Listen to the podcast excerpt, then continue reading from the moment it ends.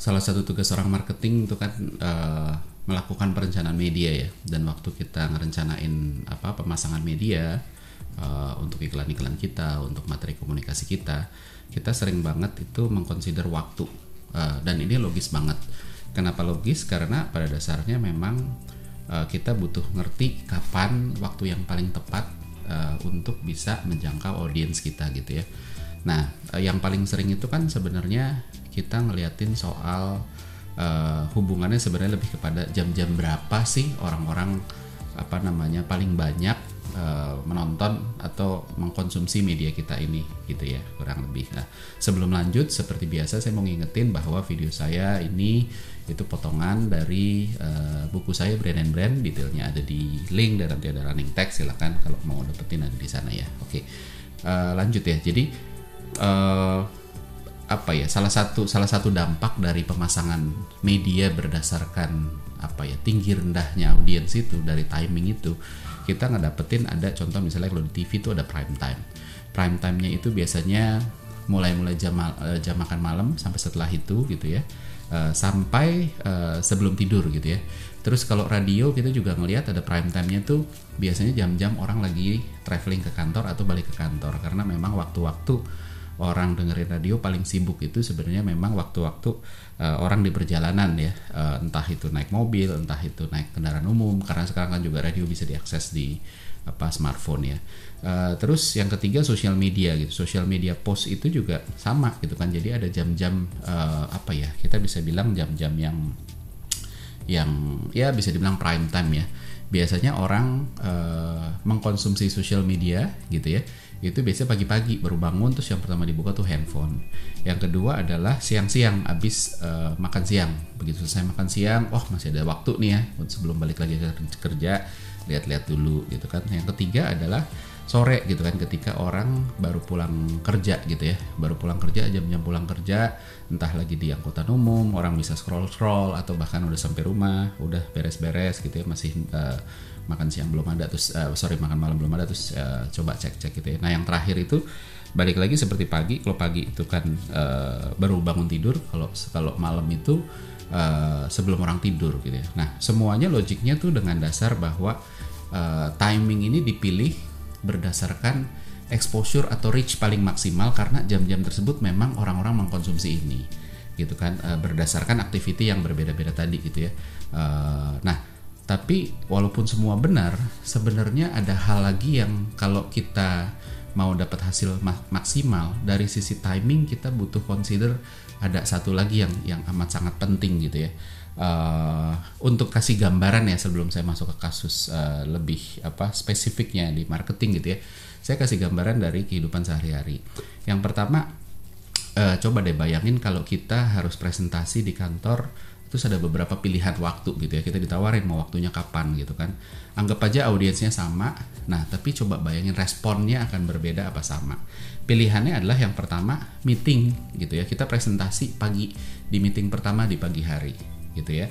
Yang kedua adalah meeting terakhir sebelum jam istirahat makan siang. Anggaplah jam 11 jam setengah 12 yang ketiga adalah meeting pertama setelah jam istirahat. Anggap aja jam satu setengah dua gitu ya. Dan yang terakhir adalah meeting uh, di jam-jam terakhir sebelum jam pulang. Mungkin jam 5 jam setengah 6 gitu ya. Atau kalau yang lembur mungkin jam 6 jam 7 gitu ya.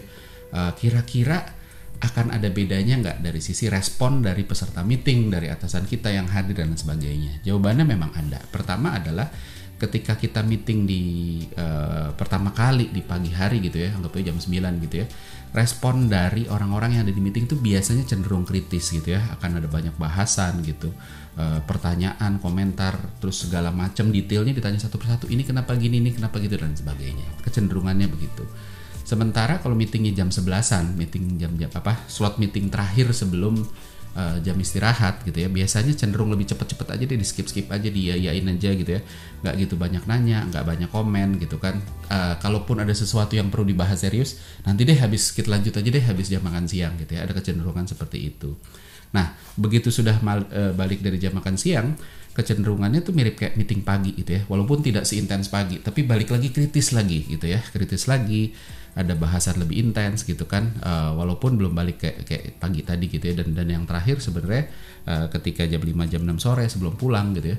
Ini lebih parah bahkan dibanding jam-jam 11 gitu ya jam 11 siang yang tadi mau makan siang gitu ya nggak uh, banyak nanya uh, udah deh biar cepet aja deh gitu ya kalau perlu bahasan dalam enggak besok besok aja nah kenapa itu berbeda dan itu itu juga bisa nanti kita aplikasikan ke waktu-waktu uh, untuk kita milih uh, apa uh, jam efektif untuk penayangan iklan gitu ya nah uh, ada ada namanya uh, ada istilah namanya decision fatigue gitu ya decision fatigue atau mental fatigue lah ya uh, ini sebenarnya adalah situasi di mana otak kita pun juga bisa jenuh gitu ya, bisa capek gitu ya, bisa letih. Nah, apa yang bikin capek? Aktivitas gitu seharian gitu kan. Lalu yang kedua adalah uh, energinya gitu. Kalau kita udah meeting seharian terus habis itu uh, yang dibahas itu berat-berat, mental kita pun capek. Sehingga kita mau ambil keputusan juga aduh kok gimana? gitu ya. Dan kita cenderung menunda atau cenderung ya udah deh yang uh, cepet-cepet aja nggak usah ditanya detail-detail. Itu satu. Terus yang menentukan itu ada uh, pertama adalah ya load di sebelumnya. Yang kedua adalah uh, kadar glukosa kita sebenarnya. Karena otak itu juga butuh energi gitu ya. Jadi uh, ketika kadar glukosa kita udah agak turun kita pun juga apa ya agak ya udahlah tubuh tuh butuh energi dan dan otak nih udah udah mulai tipis energinya gitu. Jadi ya sudah deh gitu kan dilewatin aja. Nah maka dari itu meeting pagi semangat karena energinya full gitu kan masih uh, apa masih benar-benar full habis sarapan gitu kan. Otaknya juga masih fresh belum belum apa ya belum belum diekspos terhadap berbagai macam masalah berbagai, uh, berbagai macam uh, apa presentasi dan lain sebagainya. Dan uh, yang paling penting juga uh, orang masih merasa bahwa eh kita banyak waktu untuk bahas satu persatu. Maka dari itu dibahas satu persatu gitu. Nah seiring dengan waktu energinya turun otaknya jenuh. Kalau ada teman-teman perokok mungkin sudah kadar nikotin di tubuhnya udah udah turun sehingga bikin nggak nyaman gitu ya uh, apa mental kita gelisah gitu kan otak nggak bisa mikir gitu. Sama persis kayak uh, apa orang-orang yang juga udah mulai lapar udah aduh ini aja deh gitu ya. Uh, jadi sinyal-sinyal tubuh ini juga membuat kita untuk apa ya merespon secara berbeda gitu kan uh, akhirnya ya itu tadi kita skip skip aja kita mau yang penting-penting aja. Kalau ada yang apa namanya kalau ada yang perlu pemikiran dalam diskusi dalam dan panjang kita akan cenderung nanti aja deh gitu kan kalau siang. Kalau malam besok deh kita set call lagi ya ini kayaknya kurangnya dan lain sebagainya. Gitu. Jadi sama persis juga hal yang sama terjadi di uh, pengadilan. Jadi sidang yang pagi-pagi yang berlangsung di pagi hari itu cenderung uh, lebih detail gitu. Pembahasannya detail. Semakin ke belakang itu makin pakai shortcut aja gitu kan. Karena udah ah udahlah ini kan tadi udah dibahas. Ah udahlah ini kalau didalemin nggak selesai selesai ini udah malam dan sebagainya. Jadi asal cepet aja uh, udah jenuh. Begitu juga dengan sidang skripsi gitu kan. Makanya teman-teman yang masih kuliah juga sebenarnya bisa memilih nanti mau direspon gimana di sidang skripsi itu berdasarkan waktu gitu ya.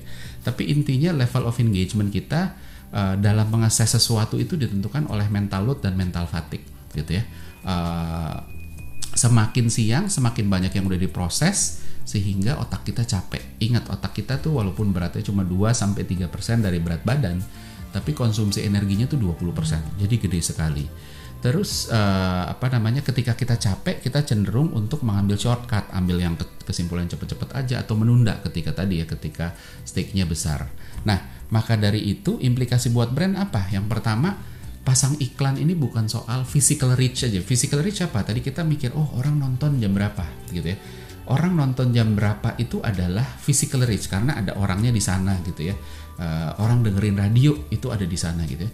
Tapi yang yang yang harus dipikirin lebih dalam adalah orangnya ada di sana. Kalau attentionnya nggak ada di sana, kalau kemampuan untuk mencerna informasinya nggak ada di sana, maka berbahaya. That's why makanya kita butuh ngerti mental reach-nya gimana gitu kan. Uh, apa namanya karena kalau dia ada di sana tapi dia tidak punya kemampuan untuk mencerna entah karena udah capek, udah banyak pikiran, masih harus mikirin yang tadi belum selesai, terus energi juga udah turun gitu kan dan lain sebagainya.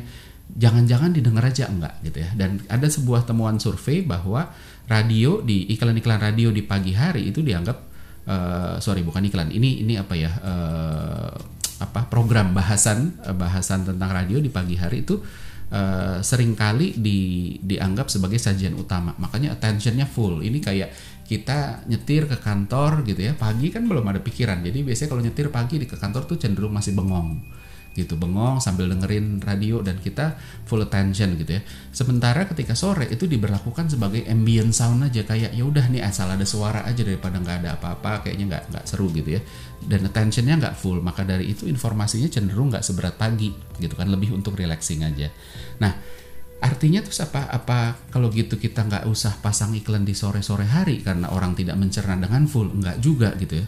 Boleh pasang di sore asal mempertimbangkan beberapa hal gitu kan. Sore itu kita harus ingat bahwa ada mental fatigue. Maka dari itu iklan-iklan yang tayang di sore hari itu sebaiknya bukan informasi yang terlalu berat untuk dicerna. Bukan informasi teknis gitu ya. Apalagi high involvement produk yang butuh uh, apa ya dicerna gitu loh. Kalau untuk awareness awareness saja sebenarnya masih tetap dapat gitu. Tapi begitu ngedorong sesuatu yang punya click to action atau call to action yang gede gitu ya orang akan aduh nggak nggak bisa diproses dengan baik gitu kan nah kalau memang uh, apa namanya terlalu serius baiknya ditaruh di uh, pagi hari. Yang sore itu justru harus lebih entertaining uh, apa namanya narik perhatian di saat mental fat fatigue gitu ya. Capek pikirannya tuh habis itu kita kasih konten-konten yang lebih uh, entertaining yang lebih gampang dicerna dan lain sebagainya gitu. Nah, sementara yang pagi itu bisa masuk penjelasan-penjelasan teknis, high involvement product dan lain sebagainya. Maka dari itu biasanya saya kalau pasang iklan radio yang sore, biasanya materinya saya bedain sama pagi. Kalau pagi itu lebih untuk reminder-reminder aja yang gampang dicerna, yang entertaining, yang dan lain sebagainya gitu ya. Nah, terus yang ketiga adalah uh, ini tips saja ya dari saya. Uh, jadi bahwa iklan sore itu baiknya menawarkan sesuatu yang mensimplify hidup orang.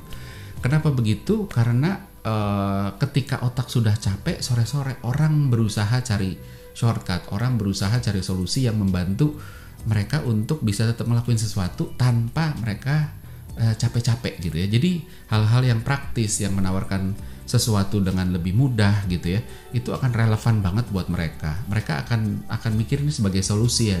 Orang uh, apa ya otaknya akan akan ngerasa eh apa ini? Kok bisa bantu? Ya boleh juga nih dicoba gitu ya. Jadi timing bukan cuma soal diproses atau enggak gitu tapi juga timing itu soal soal relevan apa enggak gitu ya. E, kayak iklan apa ya ini contohnya bagaimana momentum berdasarkan emotional bukan mental state gitu ya atau atau mental load gitu ya uh, itu pengaruh banget. Contohnya iklan uh, iklan makanan pas menjelang jam makan siang itu akan dicerna lebih baik dibanding pagi-pagi pas baru selesai sarapan. Kita nggak pay attention karena nggak relevan buat mental kita. Uh, iklan radio yang jualan rumah itu pagi-pagi mau berangkat kerja itu juga apa ya juga lebih pas ketimbang sore-sore pas macet-macetan rumah nggak nyampe-nyampe. Nah, tapi bisa juga sore-sore jualan rumah itu bisa relevan. Ketika apa? Ketika materi materi kreatifnya dibikin uh, ngambil apa ya? Ngambil potongan kehidupan, potongan cerita tentang aduh nyetir nyampe rumah nggak nyampe-nyampe. Jadi pas banget painnya lagi kena gitu. Jadi sama juga dengan ini. Jadi mental fatigue itu bisa create momentum gitu kan. Orang bisa berpikir ah udahlah gue udah capek gitu ya. Uh, masih ada kerjaan mau yang praktis-praktis terus tiba-tiba ada iklan yang nawarin bantuan yang praktis gitu. Sehingga itu bisa lebih ngena gitu ya. Nah, Selanjutnya apa? Ini juga uh, yang keempat adalah ini juga uh, akan bantu tenaga sales. Akan akan apa ya? Orang-orang sales itu harus bisa memperhitungkan ini. Uh, jadi ada jam-jam tertentu yang konsumen akan lebih kritis. Tadi kita udah bahas panjang lebar ya. Ada jam-jam tertentu juga di mana konsumen nggak bisa mikir dan nggak bisa dipaksa untuk ambil keputusan. Maka dari itu kita harus tahu jam-jam kapan sih dia wah nggak bisa nih. Kalau mereka dipaksa, mereka cenderung untuk nolak. Enggak deh gitu ya. Uh, karena buat mereka bahaya sekali gitu ya. Ambil keputusan apalagi yang high stake gitu ya. Aduh ini terlalu berisiko gitu. Saya nggak bisa mencerna dulu nih sekarang. Jadi orang akan menolak atau bah, uh, menunda atau bahkan menolak. Uh, jadi penting banget kecuali kalau penjualannya bukan hal-hal yang yang rumit ya atau bahkan penjualannya hal-hal yang barang-barang yang sebenarnya membuat hidupnya lebih enak yaitu uh, bisa aja di di kondisi di mana mental fatigue-nya sedang terjadi. Nah terakhir kita harus ngerti bahwa flow-nya itu uh, apa namanya ketika konsumen sedang mentally fatigue gitu ya, lagi capek gitu ya. Uh, mereka akan consider ini high risk apa low risk gitu ya. Kalau high risk, aduh tunda dulu aja deh, nggak sanggup mikir gitu ya. Kalau low risk ada shortcut apa enggak gitu kan. Uh, karena buat mereka ya udahlah ini nggak terlalu berisiko yuk kita putusin aja gitu kan? Tapi putusinnya pun dengan cara yang seefisien mungkin. Artinya jangan yang perlu mikir banyak gitu. Uh, kita butuh shortcut dan lain sebagainya. Dan shortcut itu dilakukan dibangun dari database-nya udah ditanam dulu di benak di benak mereka. Eh nih loh kalau kalau kayak begini tuh gimana gitu kan? Uh, ada shortcutnya nggak contoh shortcut tuh apa? Contoh shortcut sebenarnya brand gitu ya brand strength gitu ya. Ketika kita diajuin satu uh, dua pilihan gitu ya mau pilih ini apa ini gitu. Di saat kita lagi banyak pikiran uh, kalau ini berisiko tinggi kita cenderung untuk menunda gitu ya. Uh, walaupun nanti sebenarnya bisa juga berlaku shortcut. Kalau ini resikonya rendah gitu ya kita akan cari. Gak ada nggak cara untuk gampang memutuskan ini. Dan dan brand itu salah satu kekuatan brand itu salah satu yang berpengaruh di sini. Ketika orang lihat aduh pilihannya yang satu brandnya bagus yang satu aduh ini apa nih? Nggak nggak pernah kedengeran atau nggak bagus gitu ya otak akan dengan mudah ah, udah deh yang ini aja gitu yang bagus aja gitu. Uh, sama dan dan ini bisa yang tadi saya bilang gitu kan. Bahkan di high risk pun orang juga bisa bisa cari shortcut yaitu brandnya bagusan mana gitu. Dan uh, apa namanya seberapa banyak orang yang ada di sekeliling kita yang juga pakai brand ini. Itu akan jadi shortcut buat kita untuk bisa ambil keputusan. So kesimpulannya kita harus ngerti dari ujung ke ujung kapan bukan cuma physical reach tapi mental reach gitu loh. Jadi orangnya ada di sana kalau mentalnya nggak di sana, attention yang nggak di sana percuma. Kedua adalah kita bisa menyesuaikan pesannya berdasarkan mental uh, mental state-nya tadi. Yang ketiga adalah kita harus tetap ngebangun uh, shortcut-shortcut sehingga ketika timingnya nggak begitu pas, brand kita tetap bisa dikonsider dengan uh, cukup baik.